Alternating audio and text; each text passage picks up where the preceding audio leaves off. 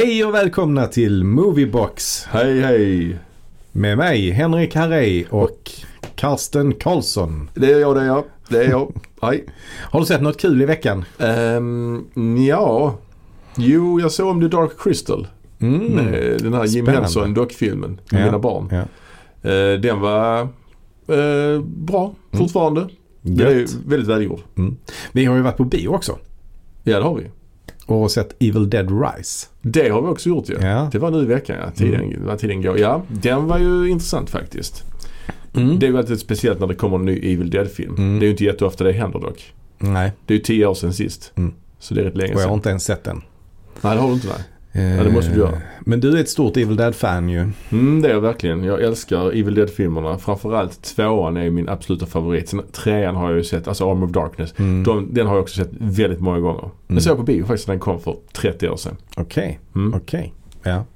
Ah, ja, men nu såg vi i alla fall eh, den femte filmen då. Evil Dead Rise. Mm. Det har Mm. även kommit en tv-serie ska nämnas. Den har jag också sett. Den har inte jag sett. Ash vs Evil Dead. Också mycket, mycket underhållande måste jag Mm. säga. Jag, eh, har, jag har ju sett uh, ettan, tvåan och trean också. Men jag, Ja. alltså, jag minns inte dem så himla bra. Jag har aldrig varit något Nej. sånt superfan. Men jag gillar dem ju. Men, ja. Ja. Ja, du borde kolla in dem igen. De är, de är verkligen, verkligen Mm. jätte, jättebra. Men femman, eller Evil Dead Rise, den var ju rätt bra i alla fall Ja, tycker jag. ja. Du var inte så förtjust men jag gillar den faktiskt. Så här, jag hade väldigt höga förväntningar. Alltså jag, den Mm. hade fått ganska bra kritik också. Så att jag blev lite besviken faktiskt. Jag tyckte, alltså de har förändrat eh, settingen här ju. Det är ju Mm. inte en cabin in the woods.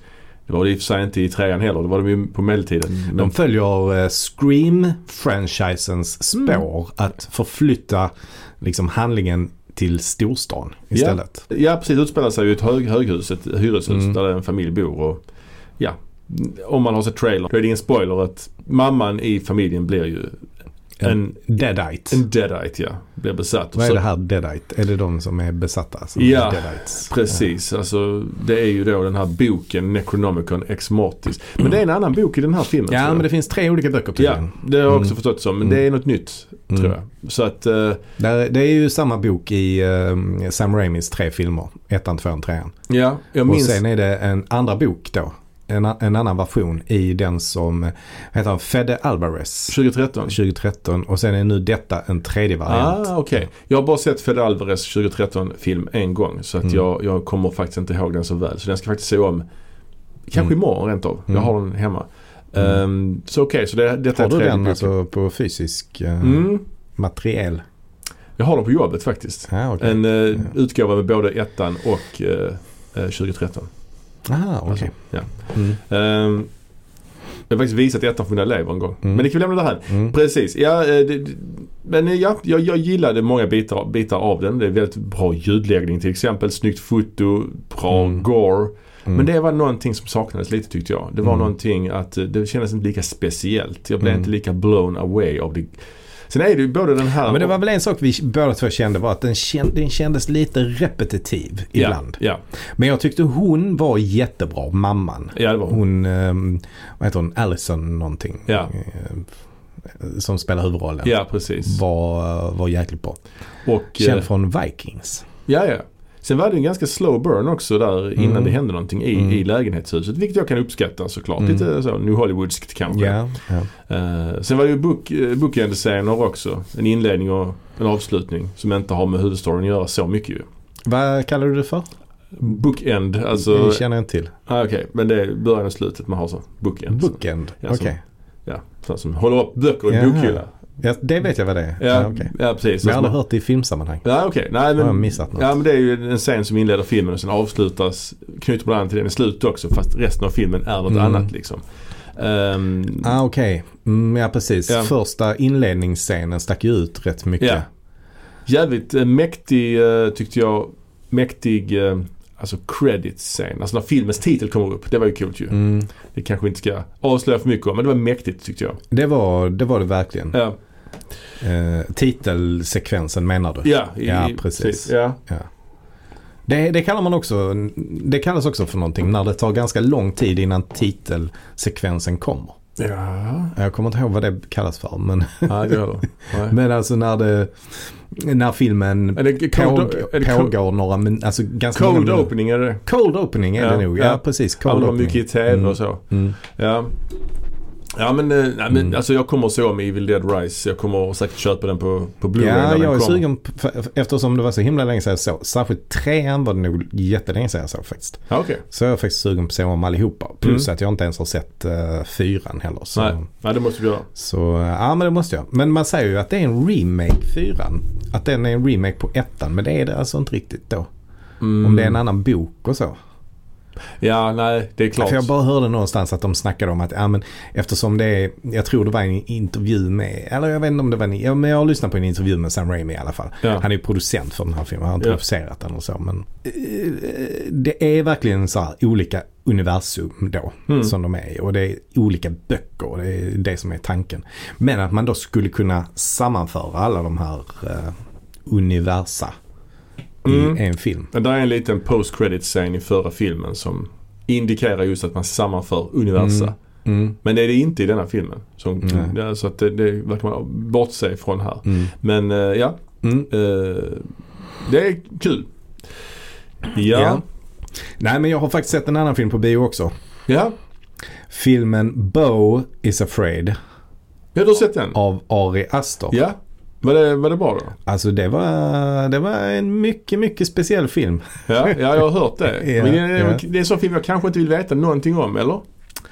Ehm, Jag vet att den är väldigt lång och den är väldigt. Speciell. Liksom. den är tre timmar lång. Och jag kan inte uppriktigt säga heller att jag rekommenderar någon att se filmen. För att jag tror det blir väldigt så personligt hur man, eh, Aha. ifall man tycker den är bra eller inte. Liksom. Okej. Ifall man gillar den eller inte. Vad tyckte du då? Jag gillar den jätte, jättemycket faktiskt. Ja, okej. Men jag gjorde inte det direkt efter att jag hade sett den. Nej. Men nu i efterhand så, eh, så gillar jag den. Eh, Mm. Jättemycket. Jag tycker faktiskt den är riktigt bra.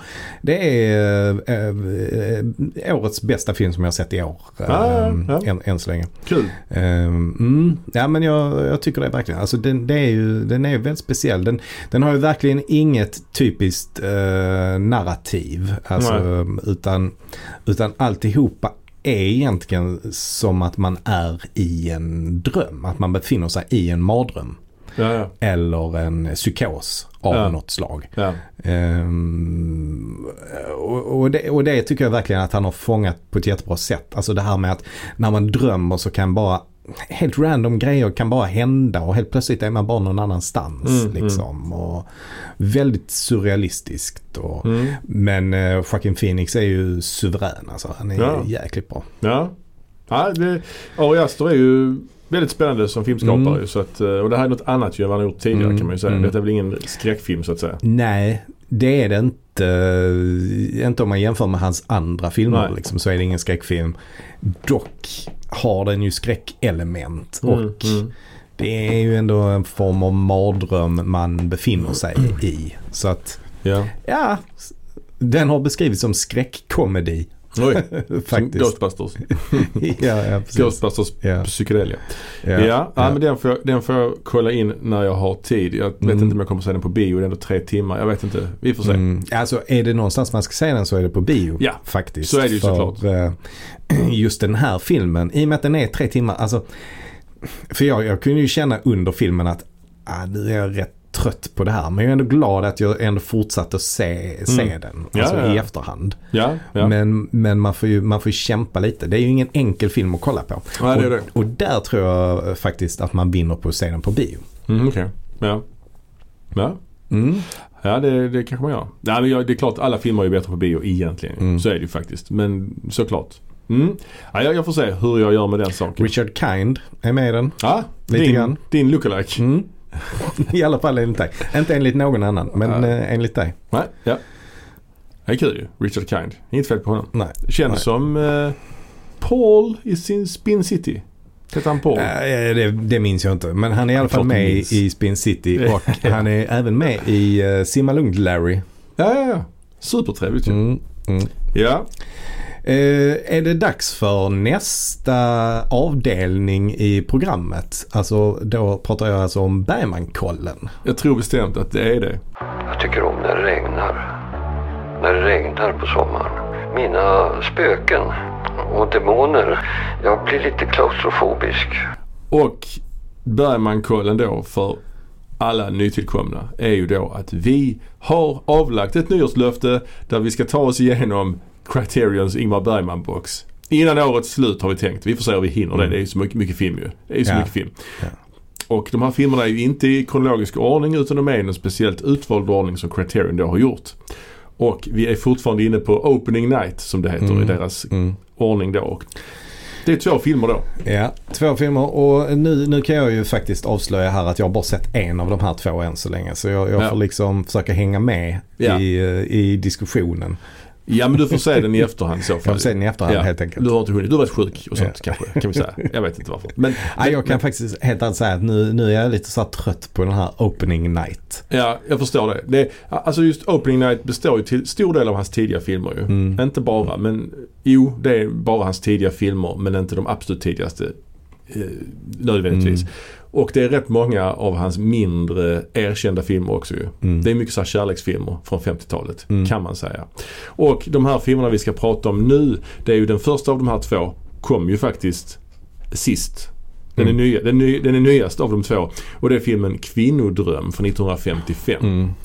Och den, den utspelar sig ju i modevärlden lite grann. Modevärlden. Ja.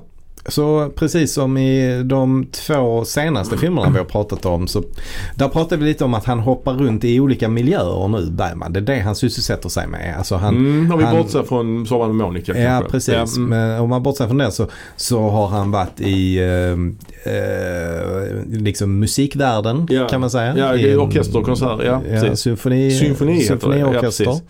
I den miljön har han uppehållit sig lite grann. I Till glädje. Och, ja precis. Och vad var det mer? Dans. Dans Ja, var det han var också, ja, Det var dans. Och han var, ja. han var i dansvärlden i Sommarlek. Mm. Så att nu är han då i modevärlden. Och den här filmen den är ju strukturerad lite annorlunda då. Det är ju liksom två parallella stories kan man ju säga om två kvinnor. Mm. Mm, just det. Och den ena spelas av Harriet Andersson. Och hon är en sassy fotomodell. Precis. Och den andra spelas av Eva Dahlbeck. Och hon är en sassy modefotograf. Och hon var ju med också i uh, Sommarnattens leende va? Hon har gjort en hel del Bergman ju. Eh, ja, precis. Ja och den här filmen då. Det, det är liksom, man får följa de här två kvinnorna. Det är två stories om dem. Mm. Den ena Mm. har ett förhållande och den andra eh, ska försöka återförenas med någon gammal kärlek va. Mm. Ja, precis. Och den ena och eh, Harriet Anderssons story får ju mycket mer plats skulle jag säga. Mm. För hon börjar dejta någon äldre man som spelas av Gunnar Mm. Björnstrand. Som har en dotter som är typ lika gammal som henne. Ja, precis. Typ så. Ja. Eh, Så det blir lite... Men det roliga i den här filmen är ju att det utspelar sig i Göteborg. Ja. Det är ju det absolut roligaste. Eh, och eh, Och de är bland annat på Liseberg. ja, Liseberg. Vad har du vad har vi på Liseberg? Vad tycker du om Liseberg? Alltså jag har ingen, eh, Ingen relation? ingen relation direkt. Har du varit på alltså, jag har varit på Liseberg ett antal gånger men När, när var du där senast? ja det var nog en 30 år sedan kanske. Ja, okej. Mm. Jag åkte du loopen. Lisebergsloopen. Ja det minns jag inte. Ja, det- Flumride var det ju Flumride, något ja. som hette. Mm, Den är klassiker. Den ska de ta ja. bort nu. Ja, ja. Men den åkte jag sist jag var där. Jag var där i somras, Okej. tror jag. Ja, ja. Jag åkte också Valkyria. ja den känner man igen. Ja, är man det he- någon ny grej? Den är eller? rätt så ny ja. Mm. Man, är- hänger liksom och så var rakt när jag åker man. Och så. Ah, okej. Ja, den är, jag går snabbt. Jag är ju före detta stockholmare va? Ja, just det. Alltså det vill säga jag har bott i Stockholm. Ja, exakt. Eh, då var jag ju på Gröna Lund eh, vid några tillfällen. Så Ja. jag, eh, jag, alltså jag, där har jag mer varit i vuxen ålder Ja, jag förstår. faktiskt. Eh, Liseberg har jag mer varit på som barn. Ja, Så ja. därför har jag lite bättre koll kanske på eh, Gröna Lund. Jag kommer ihåg det fanns en eh, när jag var liten som hette Vår lilla värld. Ett litet sånt slott man åkte i en sån vagn i. Så. Men den läste jag om den la de ner redan 1984 så att den kan inte där så länge. Nej. Eller de bytte namn på den och ändrade om Ja. den. Men Ja. jag, jag går lite research på Liseberg. De har ju en mörk historia också, Liseberg. Jaså? Ja, om man kollar på deras hemsida så har de en sån eh, historik där. Lisepedia eller något sånt. Okej. Och Ja. 1923, alltså för 100 år sedan, så Ja. hade de en avdelning på nöjesfältet som hette Lillköping. Jaha. Det var så här småhus, en liten brandstation, Mm. litet konditori. Mm. Man kunde gå runt där. Men det roliga var då att de som jobbade där var allihopa småväxta. Så de hade en hel by av småväxta inne på Lillköping. Okej. Är det inte det? Det, finns, det är inte det mörkt som fan? Eh, jo, det är det väl kanske. Eller ja, jag vet inte. Jag kan läsa på deras hemsida om du Ja, vill. ja, men gärna. Eh, det liksom, speciella med just denna stad eh, var att Lidköpings invånare var kortväxta. De utgjordes av en grupp aktörer, cirka 30 till antalet, var de flesta härstammade från dåtidens Tyskland. Mm. Dåtidens Tyskland. Eh, när jubileumsutställningens besökare gick in i den borgliknande entrén kunde de mötas av den vänlige postmästaren, spelad av 66-årige Gustav Jerschke från Ostpreussen. Eller herr Ulpst från Hannover, som var Lidköpings borgmästare. Kanske i sällskap med 59-årige Albert Huller, som var stadens polischef. Mest uppmärksamhet fick Frans Oskar, eller Gerhard Benisch som han egentligen hette. Han var 16 år, vägde enligt uppgift blott 7 kilo och nådde knappt till midjan på en normallång människa. Okej.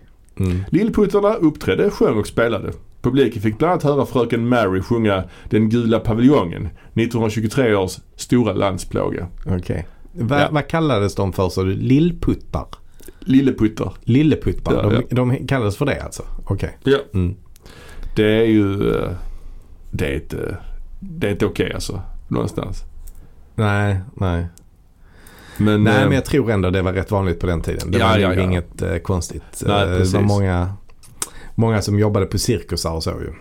ja, ja, det var det. Eh, Ja, jag tittar lite Och ny- inte, inte bara kortväxta utan även Oh, ja. eh, liksom andra som hade andra konstiga fys fysikaliska Det mest kända exemplet är ju Todd Brownings Freaks från 1932. Ja, Där är ju... jag tror du skulle nämna någon verklig person. Ja, där, där, där finns ju en del.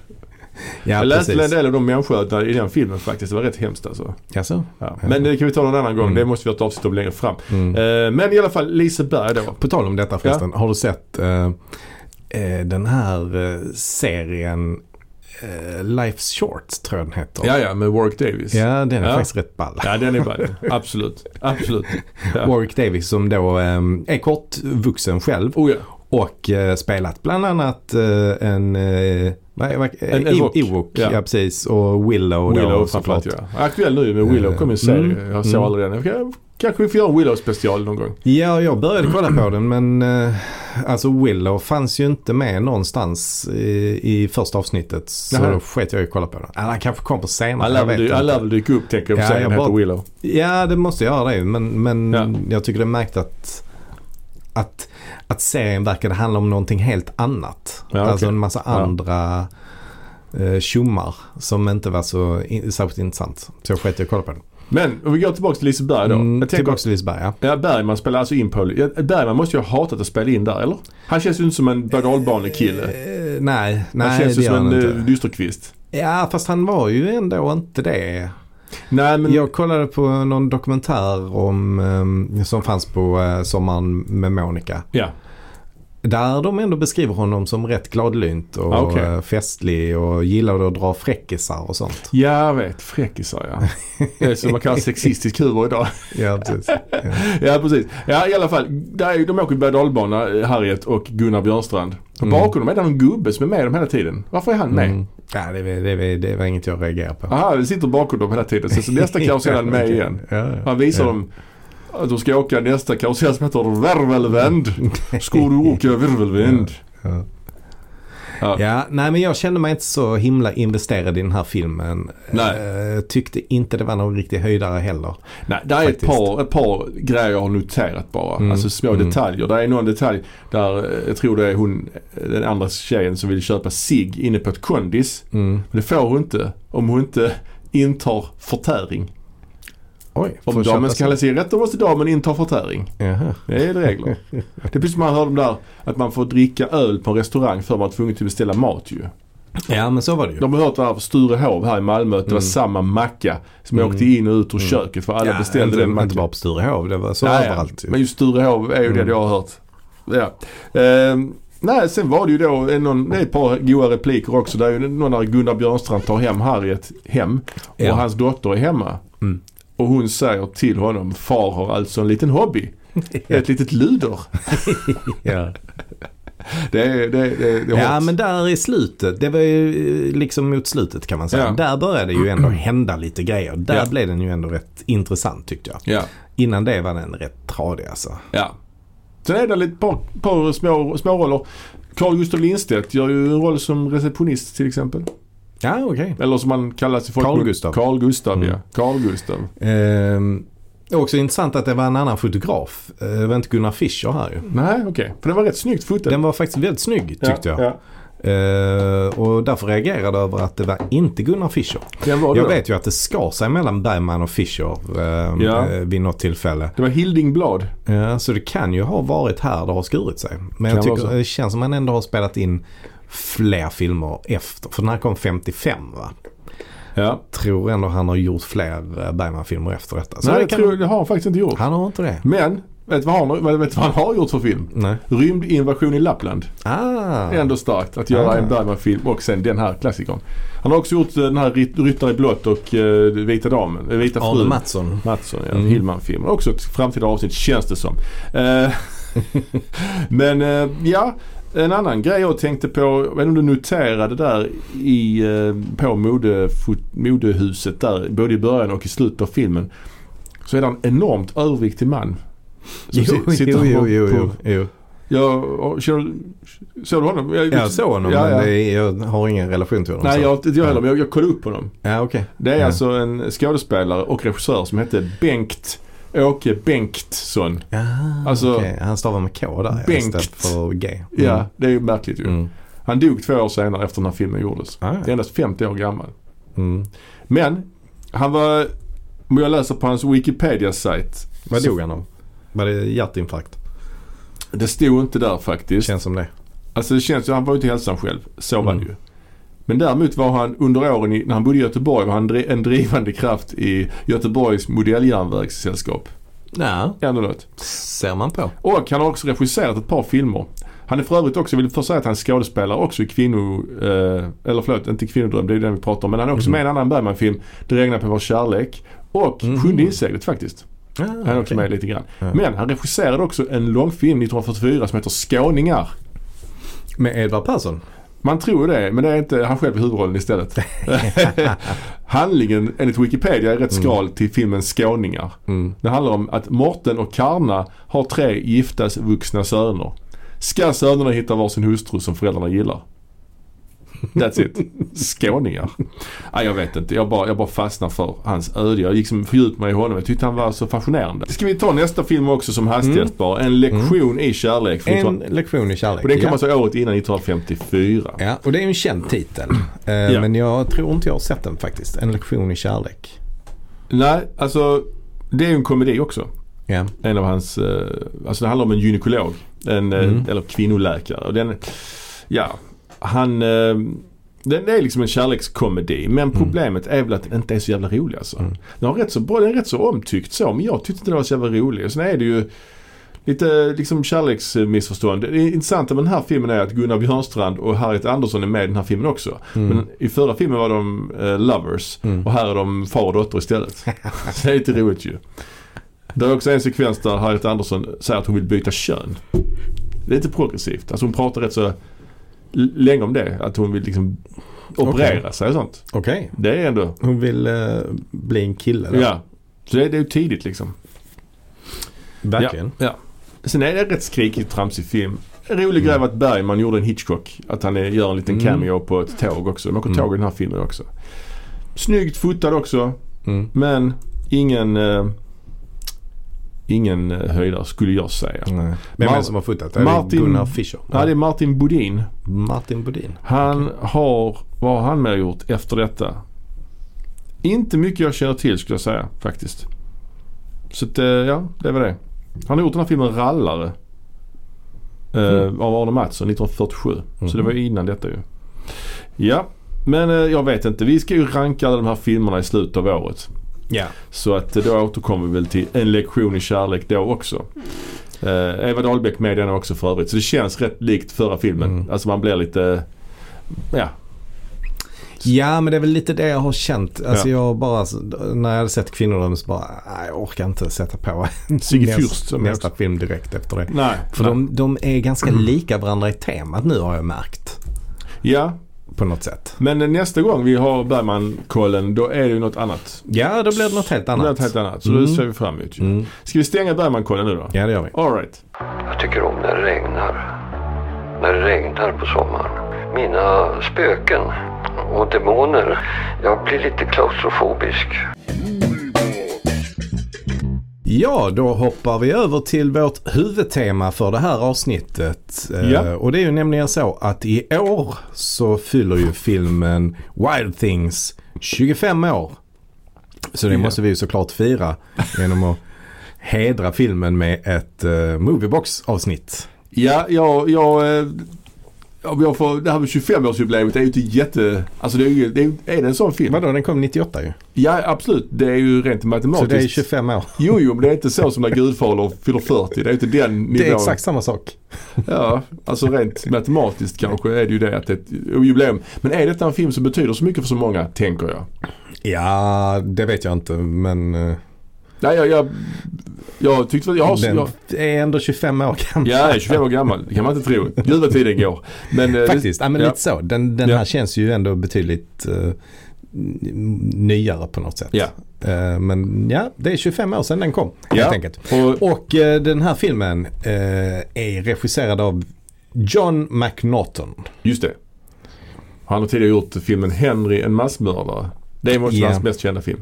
Eh, det är det väl. Ja. Och eh, sen är det väl också den här eh, Mad Dog and Glory som är Ja. ganska känd också. Ja, ja, den gick på bio liksom. Det är med Mm. Bill Murray också ju. Men, men ja, den här filmen har jag ingen större relation till. Mer att man minns när den kom. Alltså man Mm. var själv, vi var ju så här 20 när den kom liksom. Den var rätt Mm. så omtalad. För det var lite Mm. så vågade sexscener. Lite så erotisk thriller är detta ju. Mm. En neo-noir. Precis, Ja. neo-noir. Och det känns ju väldigt 90-tal också. Mm. Vi brukar ju inte vara så ofta på 90-talet i den här podden. Så det är lite spännande att, att vara det nu ju. Ja, ah, vi har väl varit en hel del på 90-talet ändå. Ah, kanske Scream och sånt. Men jag menar Ja, detta är ju... Vårt förra avsnitt också. Och, ja det är sant. Men det var ju något annat. Det var, det var ju ett annat. Ja, det var en annan film. Men det här var är liksom ingen franchisefilm överhuvudtaget. Detta är bara en Ja, separat... fast uh, Ja, det har I, jag- beg, I beg to differ. ja det är sant. Det här blev faktiskt också en franchise för det kom ju nämligen tre stycken uppföljare till den här filmen. Ja det är sant. Wild Things 2, Wild Things 3 och Wild Things Foursome. Mm. Men de filmerna är väl eh, få som har sett. De, de fick Ja, ju ingen distribution på biograf. Nej, det är sådana som är direkt till Ja. DVD. är, Kanske till och med så direkt till TV. Nej, jag tror de har direkt till DVD är det. Mm, Okej. Är det på dem. Okej, så det här blev sen en franchise. Men vad min poäng är att det är inte så ofta vi rör oss. Alltså detta är ju, jag vet inte, är detta en kultfilm ens? Är det det? Eller kan man, kan man säga det? Kanske man kan säga. Ja, det är, Då får du nog först definiera den. Ja, det är en det jag svår inte. term att definiera. Ja, jag orkar inte det. Men den är liksom. rätt så, så här. Den var rätt omtalad när den kom. Men eh, den kanske inte talas om så mycket längre. Nej, Men Arrow har gett ut den ju. det är också svårt att liksom Ja, Hur mäter man vilka filmer som det talas om? ja Alltså, men näm- det nämns kanske inte så ofta som en klassiker. Om jag säger så. Nej, men har du andra klassiker Från 90-talet. från 90-talet? Pulp Fiction Alltså, till exempel. Det är en klassiker från 90-talet. Fight. Club. ja, Alltså, där, ja. där, alltså så. Den, är inte med där så att säga. Nej, Men däremot har Arrow gett ut den till exempel i en ganska fin utgåva. Mm. Så den har ju ändå någon, någon form av värde liksom. Mm. Och den är ju Mm. väldigt intressant för den är ju en väldigt speciell film rent eh, dramaturgiskt skulle jag säga. Mm. Så det kan vi prata om. Vi kommer ju Mm. spoila den här filmen kan vi ju säga. Mm. För det, det är ju rätt svårt att eh, inte göra det. Men jag tror det här är en film som, som väldigt många har sett. Ja. Men kanske inte har sett om. Alltså, eller då var den liksom, den var ju väldigt populär när den kom. Ja. Och någ- några år framåt liksom. Då Mm. kan jag tänka mig att folk såg den eh, flera gånger. Men sen dess har man liksom inte sett om den. Nej. För det kanske inte är en film som har gått så himla mycket på TV. Nej, jag vet inte. Ehm, till exempel. Alltså, eh, tar man Pulp Fiction och, eh, och eh, Fight Club som du Ja. nämnde där så är Ja. det filmer. Alltså Pulp Fiction var ju en Oscarsvinnare Ja. och eh, det var ju den som egentligen eh, skapade Tarantino. Eller liksom eh, han blev ju en en eh, väldigt känd person efter den. Alltså för det var ju hans genombrott. Ja, alltså, Ehm, ja, på ett sätt ja. Och, och sen om man då tar Fight Club till exempel så Ja men där det är ju en, en högbudgetfilm på ett annat sätt till exempel. Ja, ja, gud, ja. Eh, Så att det, de är lite så svåra att jämföra med för den här var väl ing, eh, Jag vet inte vad den här filmen hade i budget. Ja, den hade faktiskt ändå men- 20 miljoner dollar vilket var rätt så mycket Mm. på den tiden tror jag. Mm. Spelade in 67,2. Så att Mm. eh, det var ändå rätt så hög budget alltså. Mm, mm. Ja Ehm, men det, det är ju eh, absolut. Det, det är det ju. Och eh, ganska kända skådisar med Ja. i filmen. Vi har Kevin Bacon Kevin Bacon ja. som även har varit med och producerat filmen. Så han Ja. är också. Och det är hans första produktionscredit tror jag. Ja okej. Eh, vad det nu spelar för roll. Men ja. nej, jag kan komma till det sen i och för sig. Ja. Men det roliga med Kevin Bacon är ju det här med six degrees of Kevin Bacon. Minns du det? Ja, ja. Oh, ja. Kommer du ihåg det? ja, Det ja. rätt- såklart. Ja. Det är ju det att Kevin Bacon har någon connection till typ alla skådisar i hela Ja. världen. Ja. Ska vi prova? Jag har den här framför mig, The Oracle of, of Bacon. Ta han eh, Bengt-Åke Bengtsson som vi hade precis i Bergmankollen. Mm. Är han ens med? Tänker jag. Ja, vi kan ta någon enklare. Ta Harriet Andersson. Ja, Harriet Andersson ja. Hon, är, rikt- hon har ju sagt bara två degrees. Alltså det är bara en. Alltså hon har sagt spelat med någon som har spelat med Kevin Bacon. Helt klart alltså. Hon är ju med i Dogville för fan. Ja. Harriet Andersson. Vi kollar. Eh, ja, två. Mm. Hon var med i The Deadly Affair med Maximilian Schell. Som då var med i Telling Lies in America med Kevin Bacon. Mm. Vi tar, eh, vad ska vi ta för någon mer? Eh, Jackie Chan. Nej, det är för lätt. ja. Bruce Lee. Bruce Lee. Han har ju ja. varit död jättelänge.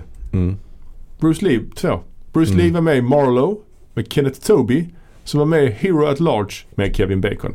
Ja, Okej. ni hör ju själva. Ja. Så här kan vi kolla på hela kvällen. Men Ja. Kevin Bacon, han var ju, alltså han är ju en sån som har varit stor jättelänge. Eller så här. Han har varit med i jävligt mycket stora sammanhang. Han har ju aldrig varit någon Jo, han har ju haft leading roles men han är ju ändå mer en birollskådis skulle jag säga. Ah. Ja, ja, ja. Svårt. Nej, det skulle jag inte säga. Aha. Det är inte biroll. Nej, Inte? nej.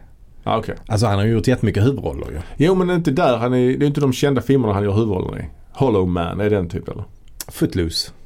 Ja okej, men där var han ung. Det var liksom innan han var så etablerad. Men det är absolut. Ja, ja. Men det var väl kanske Fredag den en 13. genombrott. Nej, fredag den 13 där är det ju Apollo, definitivt Apollo inte. 13 och JFK. Jag tänker på sådana. Han är Ja, med Tremors också. ja, Ja. ja, precis. Ja men absolut. Han är, han är med i alla fall i den här Mm. filmen. Han är med. Onekligen. Matt Dillon är med också. Ja, Matt Dillon är ju en märklig figur skulle jag säga. Han har Mm. haft en väldigt konstig karriär, har han inte? Ja, jo, eh, det har han.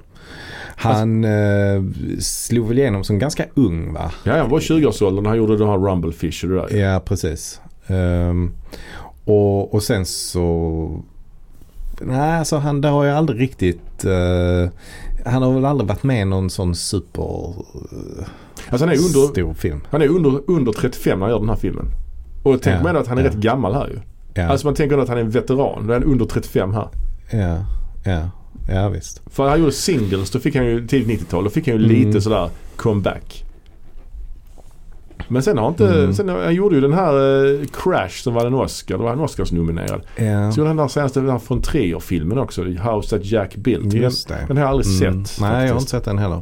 Nej, men alltså jag tror han valde att göra ganska, alltså lite mer konstnärliga, eh, vara med i lite mer konstnärliga sammanhang. Liksom. Kanske det. Alltså Drugstore Cowboy och sånt där. Just det. Samma sak med Singles, det är ju också en indiefilm. Ja, ja, liksom. visst. Ja, visst. Ehm, så att jag tror att han har hamnat i det facket och sen Mm. så har han ju aldrig varit heller högst på, eh, på listan Nej, tror jag.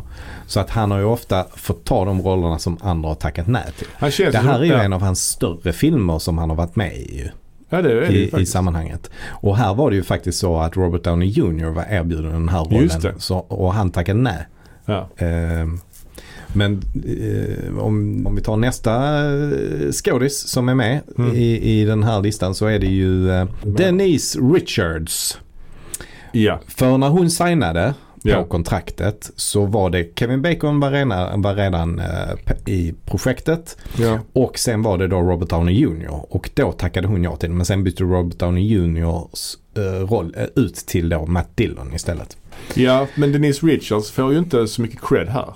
Alltså hennes Nej, namn står nej. inte på postern och sånt. För hon, Nej, hon har inte riktigt slått igenom här än. Nej, hon, alltså, eh, hon hade ju spelat in Starship Troopers men den Ja. har ju inte släppts än på bio. Och det var ju en mycket större film. Och sen året efter denna gjorde hon ju en Bondfilm. Mm. Det var väl Mm. hennes peak liksom i karriären. Absolut, det var hennes peak. Och sen Ja. efter det så har det ju blivit mest TV tror som. Hon är jag. med lite i den Love actually tror jag.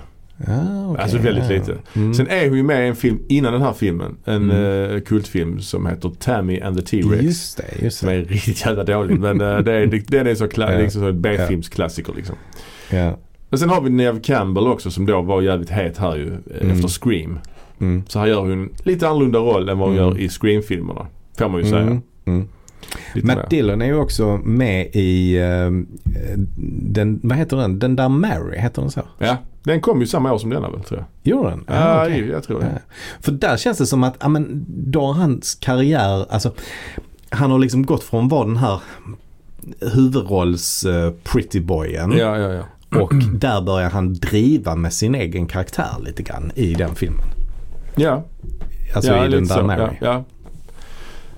Ja, ja. Andra roller i den här filmen är ju, görs ju av, eh, vi har Bill Murray till exempel i en Mm. liten roll. Det känns jättekonstigt att han är med. Är inte det? Mm. Alltså det- han är ju så superkomediskådis. Han är ju rätt komisk här också. Ja, men han, i den här eh, perioden så gjorde han ju lite mer seriösa roller. Jag tänker då på till exempel Mad Dog and Glory. Just det, där han är ond va? Mm. Ja, Mm. någon slags antagonist där. Ja, precis. ja. Eh, så att i i den här perioden så var väl någon slags mellanperiod där han försökte göra lite andra grejer. ja. Och sen har vi Robert Wagner också. Mm. Känd från eh, tv-serien Par i hjärter. Ja, Heart precis. to Heart. Och han är ju en sån uh, skådis som man har sett ganska mycket. Men jag kan inte riktigt placera vad det är man har sett honom i. Men Han är ju med i Austin Powers. Austin Powers är det jag kommer att tänka på också. Han är med i en sån där airport-film tror jag också. Mm. Men det finns en intressant grej som speglar hans liv här lite grann i den här filmen. Och det kan vi komma till längre fram kanske. Mm. Ehm, Sen har vi också Theresa Russell. ja. Är det hon som spelar mamman? Ja, hon Ja. spelar Denise Richards mamma. Ja. Hon har varit med i många så här, Ken Russell-filmer till Är exempel. hon gift med Ken Russell till och med? Nej det var inte. Eh, Hon var gift med Nicholas Rogue. Nicholas faktiskt. Rogue, just Ja. det. Precis. Och hon var inte mycket äldre än Denise här. Hon var ju typ bara... Alltså Ja. typ 14 år äldre än Denise Richards. Mm. Spelar hennes mamma. Mm. Det är insatt. Ja, precis. Matt Dillon ska jag säga också. Eh, är ju bara sju år äldre än Denise Richards. Han är det? Ja. Mm. Det är intressant. Han spelar ju typ lärare och elev ju. Ja. i, i den här ja. filmen. Ja okej, ska du ta oss igenom den här filmen vad den handlar om? Kan vi säga det? Ja, ehm, jo men det är ju då så här va att eh, Matt Dillon spelar en, eh, jag tror att han är syokonsulent. Ja något sånt ja. Eh, Guidance counselor. Guidance counselor. Ja, ja. Så att egentligen är det väl en blandning mellan syokonsulent och kurator tror jag. Ja. För filmen inleds med att han, eh, vi, vi, eller det första vi ser av, av filmen är ju en väldigt, väldigt vacker åkning. Mm. Eh, alltså en eh, flyg, flygning över swampsen i Florida. Ja. Träsk, träskmarkerna som man Ja. säger på, på ren svenska. Ja. Träskmarkerna i Florida. Och så tar vi oss in i Miami och sen så kommer vi ut i ytterkanten av Miami och vi ser att vi är ett väldigt, väldigt fint, rikt område Mm. utanför Miami som då heter Blue Bay i den här filmen, fiktivt. Mm. Ehm, och eh, vi kommer ner på en eh, skola, alltså en, eh, en high school. Och eh, vi, vi får då se kameran som går igenom så här flödet av eh, elever på skolan. Ja. Man, man ser redan där att alla, alla så ler mot kameran. Och, vi, Ja, ja.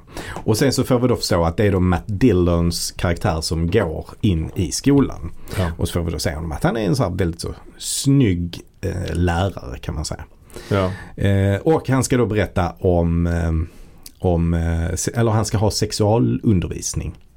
Eh, Mm. Och, eh, och vi, vi får också se att vi har två elever då som vi får lära känna lite mer.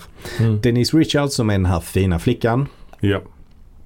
Eller Rich Bitch som eh, hon omnämns som. Just det. Och sen så har vi då den här lite mer, eh, vad ska man säga, punkiga tjejen då Mm. som, eh, som spelas eh, av Nev Campbell. Ja, lite svårare där ja, precis. Mm. Eh, och eh, med den här scenen eh, har vi också den eh, fjärde huvudrollsinnehavaren då, eh, Kevin Bacon. Ja, det är, det är aulan. Han berättar Mm, om mm. sexualbrott. Liksom. Ja, precis. Ja. Men precis, det här är ju... Man får direkt den här Florida-känslan ju. Med alligatorer som vältrar sig i Mm. swampen och den här musiken och liksom så här. Det är Mm. väldigt, och väldigt så Mm. solnedgång. Och, det påminner rätt mycket om den här senare tv-serien eh, Bloodline.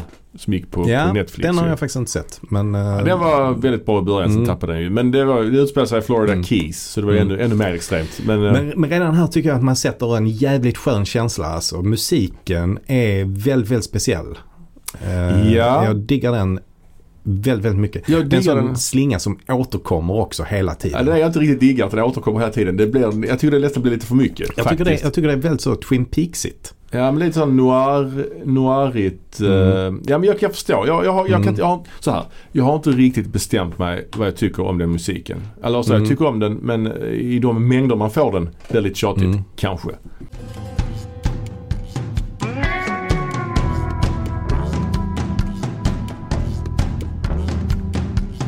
Och det är också väldigt snyggt fotat. Mm. Det är ju, eh, vad heter han, Kimball. Um, Jeffrey L. Jeffrey Kimball. L. Kimball. Mm. Och eh, han har ju fotat många av Tony Scotts eh, filmer. Ja, Top Gun till exempel. Ja. True Romance. Mm. Ja det ser man ju. Alltså Mm. det, det är verkligen. Mm. Han är ju reklamfilmsfotograf från, från början och Mm. det var ju därför han fick jobbet på Top Gun. För Mm. att han, eh, Tony Scott ville ju verkligen ha den här eh, reklamfilmskänslan ju på, på planen och så. Ja han hade ju tidigare gjort reklamfilmer för Saab va? Mm. Tony Scott. Mm. Mm. För Viggen och sånt. Ja, precis. Precis. Ja, jo men precis. Men sen är det ju, jag tycker, mm, Ja, men det, det som händer sen det är ju i alla fall att ehm, eh, Denise Richards eh, följer ju med Matt Dillon eh, hem vid något tillfälle för hon ska tvätta hans bil. Ja det är hon och en annan tjej som Mm. ska tvätta hans bil. Ja. En sån att samla in pengar till någonting. Mm, ja, liksom. precis. Ja. Och, och, och så stannar hon kvar hemma hos Matt Dillon och sen så eh, klipper vi till en ny scen och då kommer hon ut från Mac, Matt Dillons eh, hus och hon ser helt förtvivlad ut och går hem och är väldigt arg liksom och ledsen eh, kombinerat. Liksom. Och eh, när hon då kommer hem till sin eh, rika mamma som spelas av Theresa Russell Som har varit ihop med Matt Dillon tidigare. Mm, precis. Ja, Eh, så berättar hon då att hon har blivit våldtagen av Ja. Matt Dillon. Eh, och det sätts då igång en eh, utredning Ja. och det leder eh, sedermera till en rättegång. ja. Det, det känns ju, precis. Och eh, det är ju lite problematiskt här ju, kan jag tycka. Eller så, man ska ju gissa som tittare, är han skyldig eller är han oskyldig? Mm. Man har ju inte fått se våldtäkten överhuvudtaget. Precis, för de, de klipper ju där eh, från att hon Ja. går in så klipper de till att hon kommer ut Ja. igen och att hon är väldigt eh, upprörd. Ja, hon bara går liksom. Ja. Och det är ju det är speciellt ju. Mm. Varför visar man inte det? Alltså, så. Man tänker ju där. Varför Ja. visar man inte det? Det är ju för att vi Ja. inte ska veta ifall den är skyldig eller oskyldig. Och så gör man ju inte egentligen ju.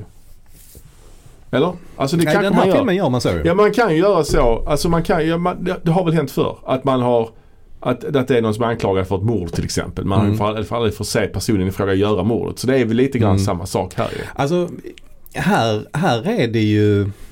Här, ska ju, här är ju meningen att tittaren ska ju inte veta. Nej precis. Har han gjort det eller har han inte gjort det? För vi fick inte se det. Liksom. Nej exakt. Så det är ju, den, det, är ju det de vill... ehm, Den, den frågeställningen de vill Ja jag vet. Men det, det känns ju ändå lite, ja det, det, så okej absolut. Och i det här fallet tycker jag det är väldigt effektivt. Ja men jag tycker, det, jag tycker också det funkar eh, rätt bra. Det påminner lite Mm. grann om en alltså, deckarserie lite grann. Mm. Alltså lite så. Det kommer en annan scen längre fram i filmen där det inte funkar. Samma typ av, eh, men det tar Mm. vi sen. Mm. Eh, precis och sen är det ju liksom att eh, det ska bli en rättegång då. ja, Men precis. det är också lite så här eh, exposition där hon, Denise Richards som hon spelar inte jättebra alltid. Det är någon sekvens där hon I miss daddy. Och så säger hon mamman Well he didn't have to kill himself. Det är verkligen så här expositionsfest.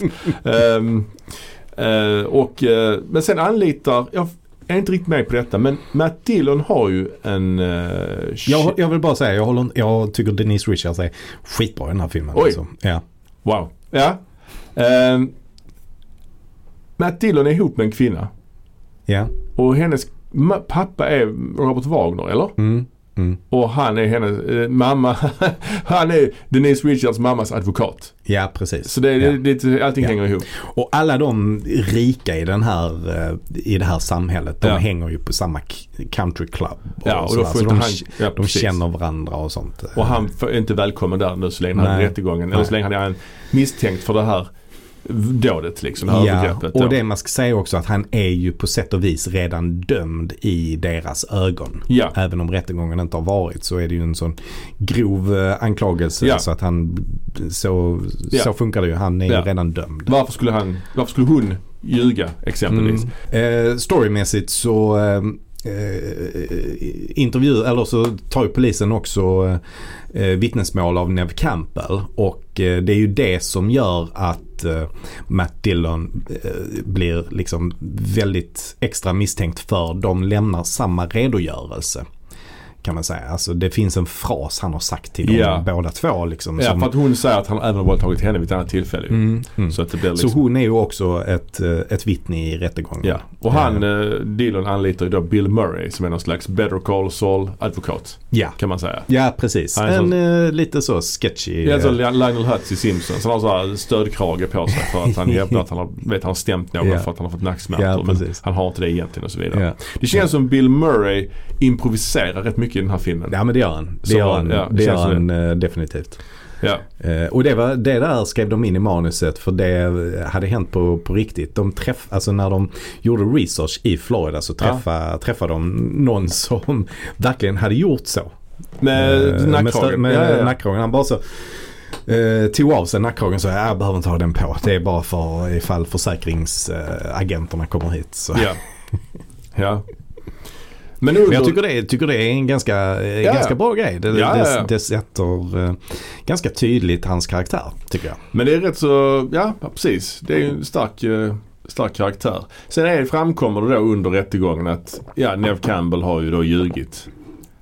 Att det har inte hänt någon våldtäkt. Ja, eh, Bill Murray har ju lyckats vaska fram liksom hennes så här telefonhistorik, vem hon har ringt och sådär. Det är intressant för det här är ju innan mobilerna. Mm. Alltså det fanns mobiler men det är inte så, ingen i den här filmen har typ mobil ju. Utan de ringer ju från fasta linjer hela tiden. Ja, Det är ja. ju ändå liksom något. ja precis. Mm. Så då var det ju att hon hade, eh, även efter den här eh, påstådda våldtäkten så hade hon ju ringt till Matt Dillon vid ett fler, flera gånger liksom. Ja, Och sådär. ja.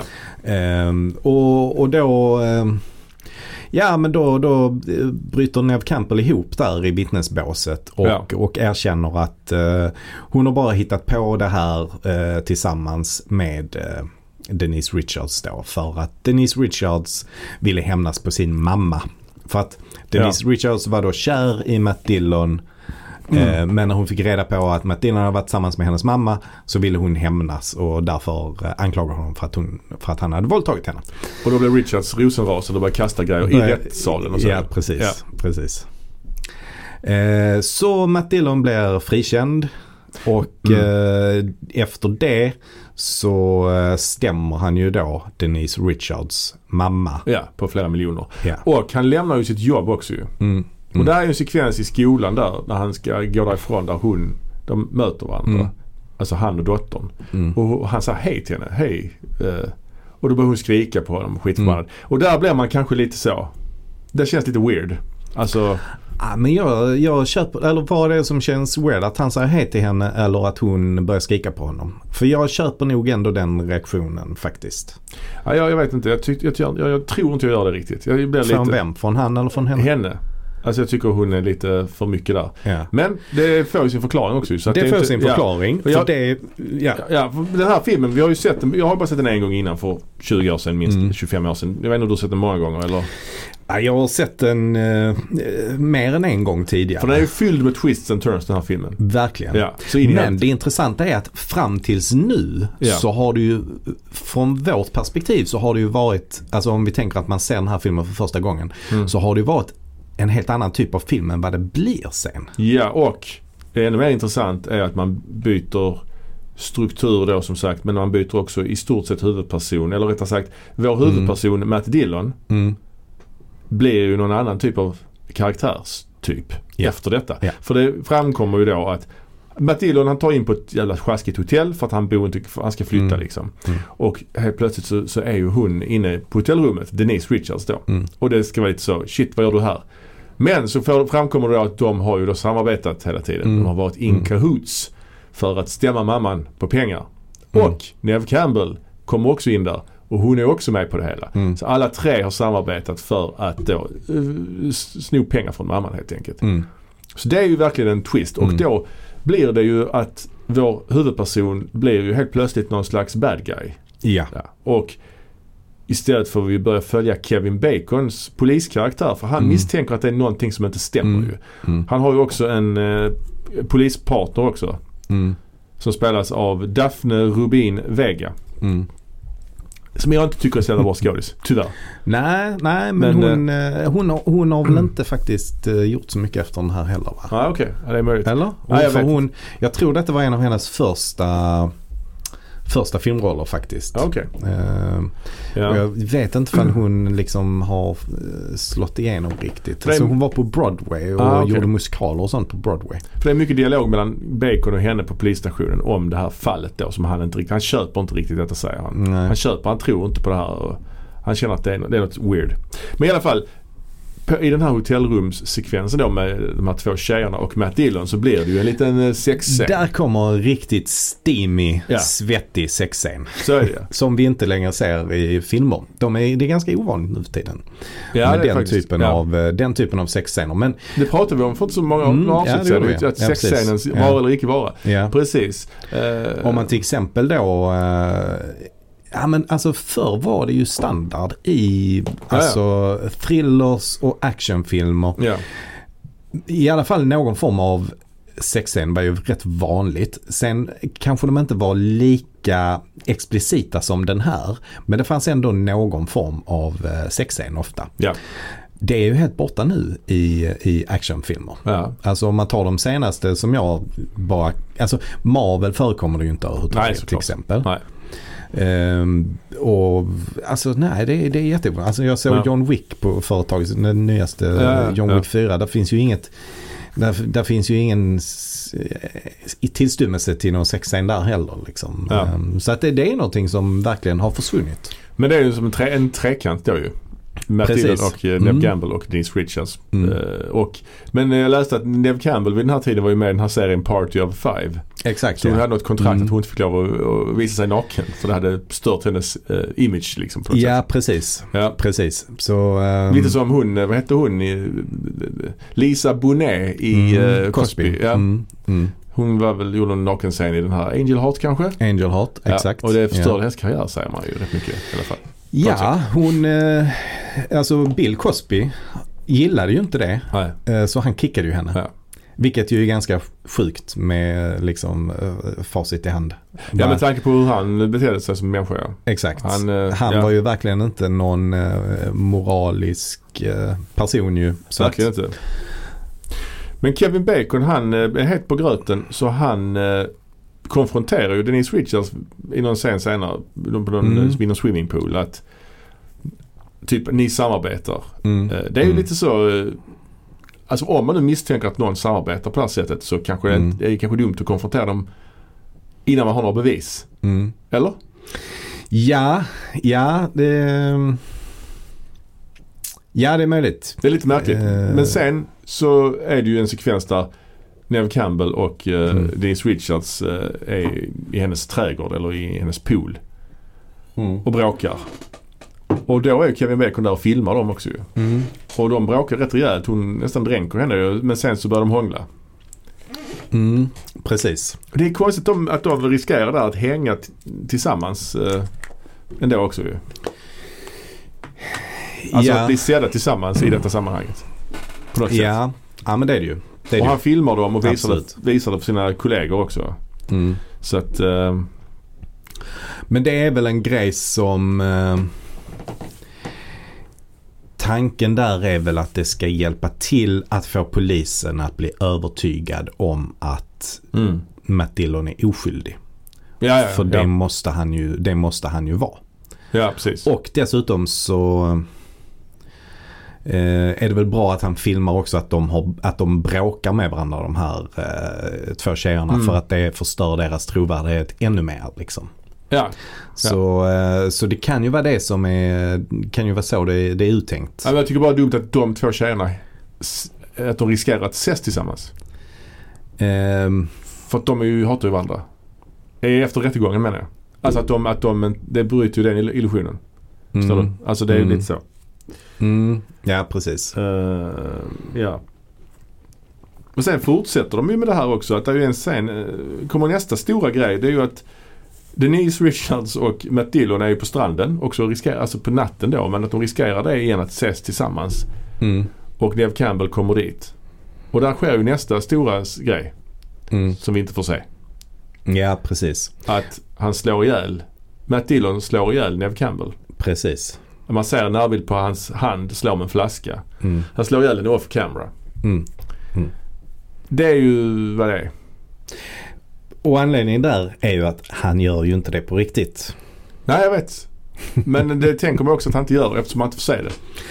Alltså, det tror jag inte faktiskt att eh, om man ser den för första gången så tänker man nog inte, tänker man nog inte så. Jag, vet, jag, jag, gjorde tror det. heller- ja, jag tror faktiskt inte, Inte de första, flesta. gången, inte första gången jag såg den. Nej, precis. Kanske. Nej. Men nu när man har lite mer erfarenhet så tänker jag så här filmar man inte ett Mm. mord. Man filmar inte en närbild på en hand. Man filmar Nej. snarare en närbild på offret. Mm. Man filmar ju, alltså Mm. eh, man får inte säga någonting. Sen i och för sig så lägger de in hennes lik i, i bagageluckan ju. Mm. Sen kan man ju ställa frågan hur kan Denise Richards inte märka att Neve Campbell inte är död när de lyfter kroppen? Alltså det är svårt för henne. Det är rätt svårt att spela död på det sättet, är inte det? Mm. Alltså jag vet Ja, inte. kanske. Det kan vara. Ja. Och sen hittar ju också Kevin Bacon tänder på eh, Mm. stranden ju.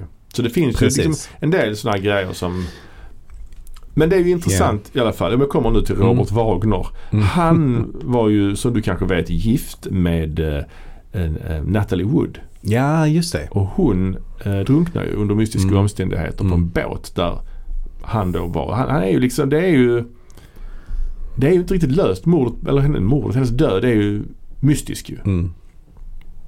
Det var ju på en jakt. Där hon dog under mystiska omständigheter liksom. Eh, och där Christopher Walken var med på båten också. Jaha. av någon jävla anledning. För de var med i samma Kanske, film. kanske han som är Ja, mördaren. men precis. Men det Eh, var väl också ehm, inspiration till eh, Once upon a time in Hollywood. Ja den där eh, med Med- Brad Pitt på båten. Ja, precis. Kan det nog varit ja. Ja. Eh, 2018 i alla fall så är det fortfarande så att Los Angeles County, Sheriff's Department nämner Wagner som en person of interest i det här fallet fortfarande. Liksom. 2018? Ja och det hände okej. 1981. Ah, ja. Så att, ja, det är intressant att han, just Mm. han att de just kastat honom i detta. Att han Mm. också är med i Mm. filmen. Ja, Det, det finns något där. Eller? Ja, det gör det. Ja. Det gör det. Ja. Men jag tror ändå att det var helt uh, omedvetet. Ja. Att jag, han tror med det är, jag tror det är slump, eh, slumpmässigt. Jag tror inte att casting director tänkte så, ah, men vi kanske ska ta eh, Robert Wagner just för att han har personlig erfarenhet Att han av, kanske har av det mördat här. en kvinna. Nej, usch. Eh, ja, kanske. ja. Ja. Nej men sen, eh, sen är det ju, fortsätter ju uh, uh, alltså in, in, investigation att uh, Bacons uh, partner hon uh, har ju sån stakeout på Dillons Mm. hotellrum. Och han bjuder in henne på rummet. Det är också det är en märklig scen. Han bjuder in henne på rummet. Han har med sig liksom skolans uh, arkivmaterial på hotellrummet. Så han ger henne Denise Richards mapp Mm. för hennes file. Där det står Mm. om hennes liksom sexuella Mhm. historik och liksom Ja, den, den, den minns fan inte avundsjuka. Så det är konstigt att det står i skolans record så att hon, att han har det med sig också. Ja. Och ger det till henne. Så sitter Ja. hon, den här polispartnern och läser det på rummet. Och sen blir det så lite erotisk stämning mellan Matt Dillon och hon polisen ju. Mm. Det är ju så att de nästan ska kyssa varandra och så ringer telefonen, den klassiska Mm. klichén liksom. Ja. Det är jättekonstigt. Hon Ja. bara blir helt så enchanted av honom där. Ja. Och sen drar han och hon är kvar och ringer till Kevin Bacon från hotellets telefon. På, alltså det är roligt många mobiler ju. Nej. Och nu har den här Men man hade ju inte det då på den tiden. Alltså, Nej jag vet men hon, hon sitter kvar i hans hotellrum, han har gått typ. Och Ja, ringer okej. till polisen, Ja. alltså sin partner. Och eh, berättar då som står det här mappen liksom. Ja, ja. Det är Ja. allting är en del av en stor plan Ja. här men det är, det är jävla märkligt alltså. Vad är det som är så märkligt? Ja men hela den scenen att, att man får följa henne helt plötsligt, att hon blir huvudperson i scenen. Han bjuder in henne. Det är lite erotik, eller lite så stämning där mellan dem. Jag tycker det är lite märkligt alltså. Ja, ja. Nej, för mig, den, den här scenen är kanske inte den, bland de viktigaste i filmen. Alltså det är ingen så stor scen så direkt. Jag, Nej, jag- jag kommer, kommer inte ens ihåg den. Ja, det är klart, det hade Om faktiskt kunnat tas bort. Det hade kunnat klippas Ja, bort, ja, verkligen. Ja, det, är- Ehm, det är möjligt. ja. Men det är kul att man tar mobiler. Det tycker jag. Det är roligt. Det är en tidsmarkör verkligen. Liksom. Ja, det är det ju. Eh, Men det var ju så förr i tiden liksom att eh, innan mobilerna så hade man inte mobiler. Så fick man ju... Så var det ju. Innan mobiler hade man inte Ja, mobiler. ja. Glöm aldrig det ni där hemma. Nej. Eh, sen är det ju nästa, återigen, nu kommer kanske den scenen jag har mest problem med i filmen. Mhm. Eh, det är ju då när Kevin Bacon attackerar Denise Richards i hennes hem. Ja. Hon bor ju i gästhuset för hon är ju med mamman Mm. liksom. Så hon bor i Mm. gästhuset. Han kommer hem till henne och börjar eh, liksom fysiskt angripa henne. Mm. Sen så klipper man till en bild utanför. Lite grann som Mm. den här våldtäktsscenen. Mm. Bild utanför huset. Man hör två skott. Han kommer ut och blivit skjuten i armen. Mm. Och snart får vi reda på att hon är död. Ja, men får inte säga någonting. Nej, vi får inte se det. Nej. Så det är ju ganska, eh, de är ganska konsekventa här med att vi inte får se några mord ske. Mm, men det är lite så. Eller, eller våldtäkter. Ja, men jag tycker det är problematiskt ju. För att i det här fallet så är det ju konstigt, verkligen konstigt att man inte får se det. För att här är hon ju verkligen död. Men Alltså- det är ju inte konstigare än eh, något, något av de andra. Men det vet, det vet vi fortfarande inte. Så vi, blir, vi, är ju for- vi är fortfarande lite lurade. Vi tror fortfarande vid det här tillfället att Neb Campbell är död. Ja fast där har de ju gömt kroppen å andra sidan. Det är ju ett mord som ingen vet om. Det här är ju ändå blir ju, det här blir ju här blir det ju att han blir av med Mm. sitt jobb och Men vi sånt. va? tror ju att Neb Campbell är död utan att vi har fått se det för han har hittat tänderna. Så det, det tror vi ju. Ja, ja. Precis. Ehm, och, och, och samma sak är det här. Att eh, vi får inte se mordet. Men ja, vi, vi tror också att hon är död. Vilket hon också är. Hon är ju också död ja. Ja, Och det är därför det ska man inte får se Men det, det vet man ju inte. Alltså, sen när vi, när vi kommer lite längre fram i filmen så Ja. får vi reda på att Neve Campbell var inte död. Nej, Och då tänker man ju, okej, Denise Richard kanske inte heller död. mm, kanske. Jag tänker mer att, eh, det tänker, han säger att hon försökte skjuta. Hon sköt honom Mm. i armen. Mm. Då var han tvungen att skjuta henne liksom. Vi får aldrig Mm. se det. Och då tänker Mm. jag, varför får man inte se det? Just när han berättar det. Då tänker Mm. jag, varför får vi inte se detta då? Jo, för att det antagligen inte har gått till så. Så tänker jag. Ja, ja, fast då kanske du inte är så inne i själva filmen. Liksom. Om, du, om man sitter så och analyserar hela tiden vad det är man ser. Så kanske man inte, om, om du tänker dig att du ser filmen för första gången. Mm. Så tänker du ju inte på det. Liksom. Ja men grejen är att, så här. Om man ser en film för att Mm. dissekera den så ser man ju på den på ett annat sätt. Nej, nej. Alltså ja, men det är inte det jag gör. Jag, jag har en erfarenhet av eh, film och klippning och hur man filmar ett mord. Och filmar man ett mord eh, och då, det ska vara ett mysterium så är ju ofta mysteriet vem är mördaren? Ja men det kan Ja. vara så. Men Och- ja. så behöver det inte alltid vara. Alltså, nej, det säger jag inte. Nej, det är inte definitivt allting. Men här är det ju istället, okej, varför fick vi inte se mordet? Antagligen för att inte det gick till så som någon sa. Ja eller så reagerar folk inte på det. Alltså som jag gjorde inte det till Nej, exempel. när jag såg gjorde. Eh, Eh, men i alla fall, sen här efter detta så eskalerar ju filmens tempo ganska kraftigt ju. mm. Alltså det, nu, nu är det ju liksom nu är, nu är det twists and turns på rätt så efter varandra rätt många liksom. Mm. Verkligen. För nu är det ju att eh, nu är Matt Dillon i något hotellrum någon annanstans. Alltså vid någon strand, Mm. typ i Mexiko kanske. Jag vet fan var han är. Men han är ju inte, han är någon annanstans ju. Ja precis. Ja, men nu, han, eh, han har ju blivit eh, totalt frikänd och dessutom så har ju Kevin Bacon också blivit eh, av med sitt jobb ju. Ja. Eh, för att han, även om han frias för mordet på Denise Richards Ja. så eh, eh, har ju polischefen hela tiden sagt till honom att han ska inte hålla på och följa efter dem och sånt. Så han har också blivit av med sitt jobb. Ja. Och sen så går ju han in på sitt hotellrum och så är det någon som Mm. duschar ju. Mm. Och då är det ju Mm. Kevin Bacon. Då är det Kevin Bacon står där. i Matt Dillons dusch. Ja. Ja. Och det här är full frontal nudity på honom också. ja, det är det. Det är det är jävligt oväntat alltså. ja, det är Men han, jag läste om det att han fattade ju inte det att det var det. Eller så han trodde ju att han var, alltså att Matt Dillon blockerade kameran. Ja men så här var det. De gjorde, de gjorde kanske 20 tagningar på den, Ja. den scenen. I 19 av de tagningarna så blockerar Matt Dillon kameran. Ja. Och det var också så som regin var. Det var så det var tänkt att det skulle göras. Ja. Men i en av de tagningarna så missar Matt Dillon, Ja. eller det är väl egentligen att han ska kasta handduken lite tidigare egentligen. Ja. Än vad han gör i just den tagningen. Mm. Och då var det faktiskt så att då var det klipparen Ja. som, som valde ut den. För, för eh, hon sa till, till regissören, ja men om ni visar så mycket av eh, de här tjejerna, deras Ja. eh, nak, alltså nakna kroppar. Ja. Så tycker jag att då eh, för att göra det lite jämnt så ska vi Mm. ha med denna då. Och då eh, frågade regissören eh, Kevin Bacon, Ja. vad, hur ställer du dig till det här? Och då var han helt lugn med det. Alltså, inga Ja, problem, och kör han- ni på det om Ty- ni vill. Tydligen hade han någon sån no nude eh. Ja. Men eftersom han själv var producent så Mm. kunde han Mm. liksom inte han kunde stämma sig själv i så fall. Eller ja, alltså det, han, han Mm. han bestämde ju alltså Mm. själv liksom. Ja, precis. Ja. Så han hade ju, han eh, kunde ju valt att säga nej ni får ta en annan tagning. Ja. Om han hade velat. Men eh, om, han litade ju på dem och de tyckte Ja. det var det bästa. Och ja, jag, eh, jag klagar inte på det. Nej, nej jag tycker det är rätt ball. Alltså det, det är liksom oväntat. Bara så, okej. Men efter det här då, i, i den här scenen nu när man får, då får reda på att de samarbetar. Mm. Så var hela tiden Kevin Bacon och Matt Dillon som samarbetade. Så börjar Kevin Bacon bete sig som en typ Batman-skurk.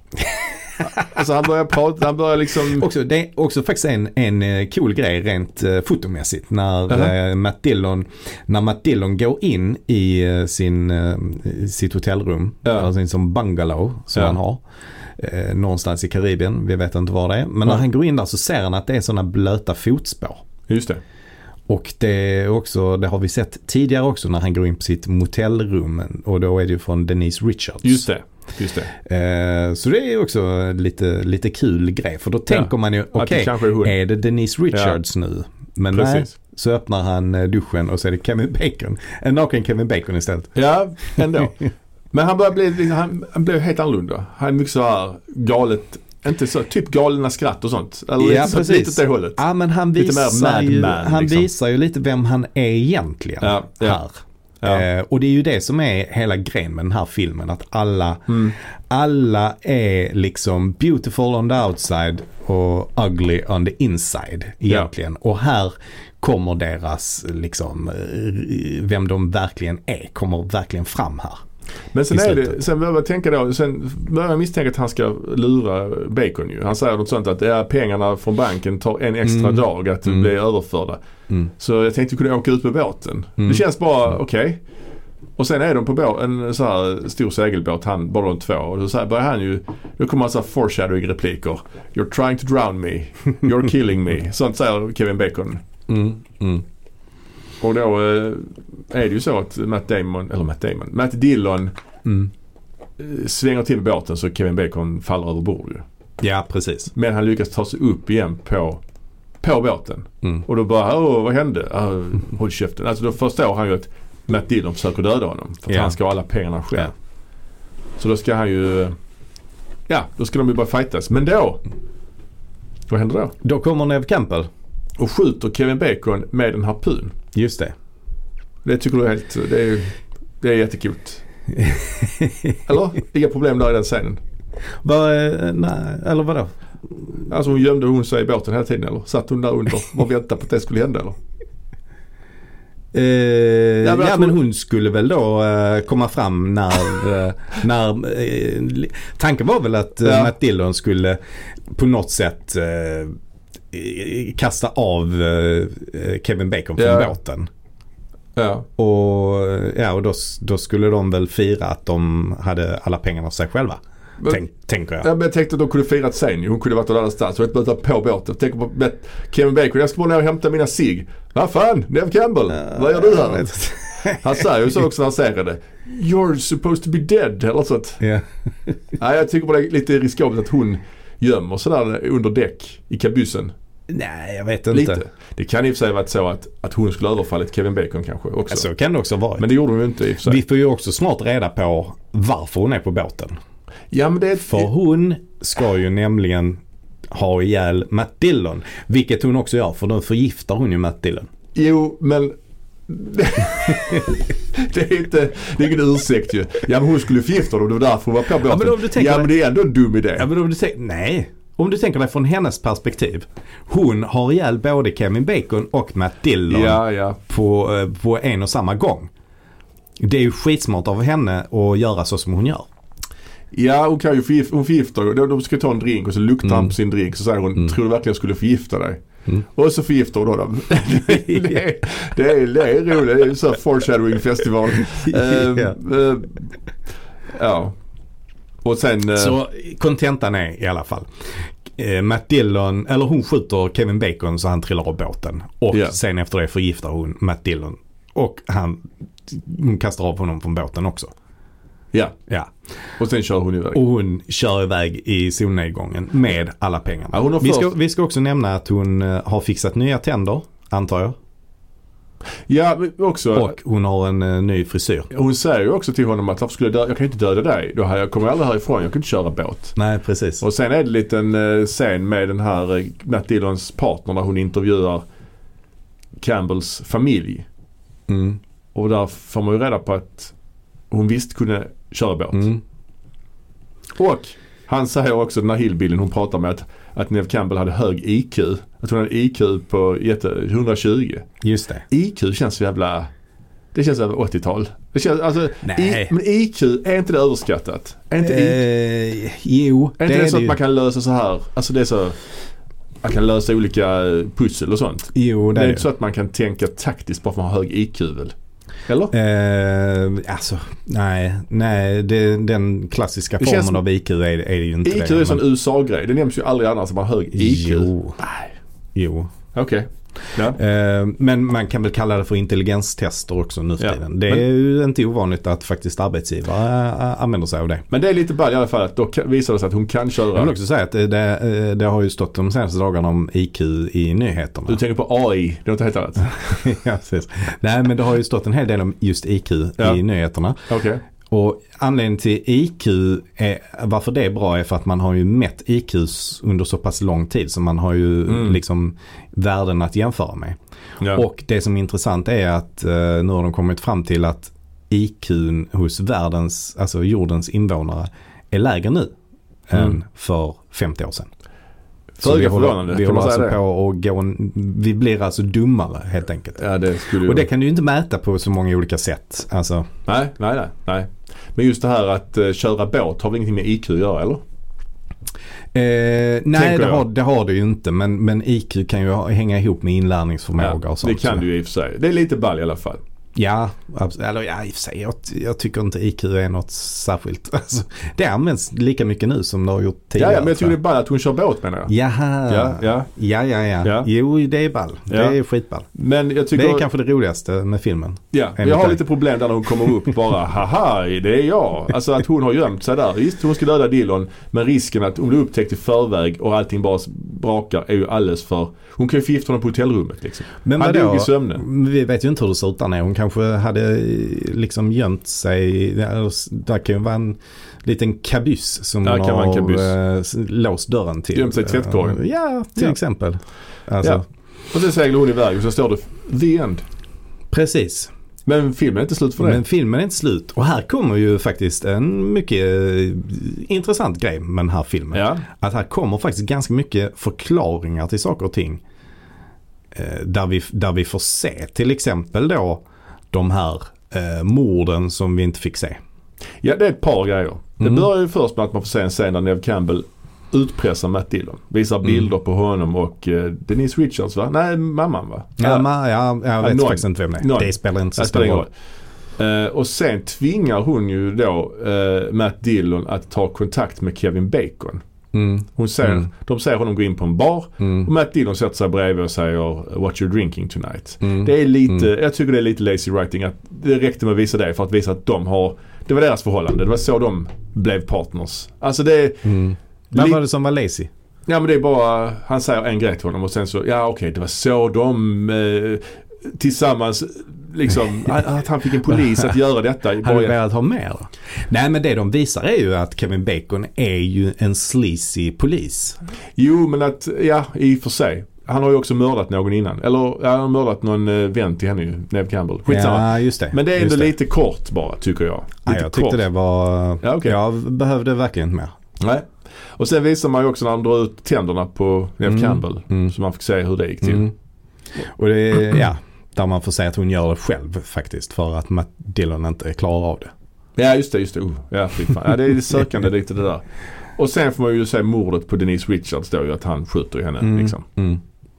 Så att han skjuter henne och sen skjuter alltså, han sig själv Ja, ja. liksom med hennes pistol. Ja, och sen den sista scenen är ju då att Neve Campbell sitter på någon jävla bar och så kommer Bill, Murray, dit. och då har han Ja. fixat så hon får alla pengarna. Mm. Det var väl egentligen det bästa Mm. tyckte jag. Mm. För att det gav ytterligare någonting till det.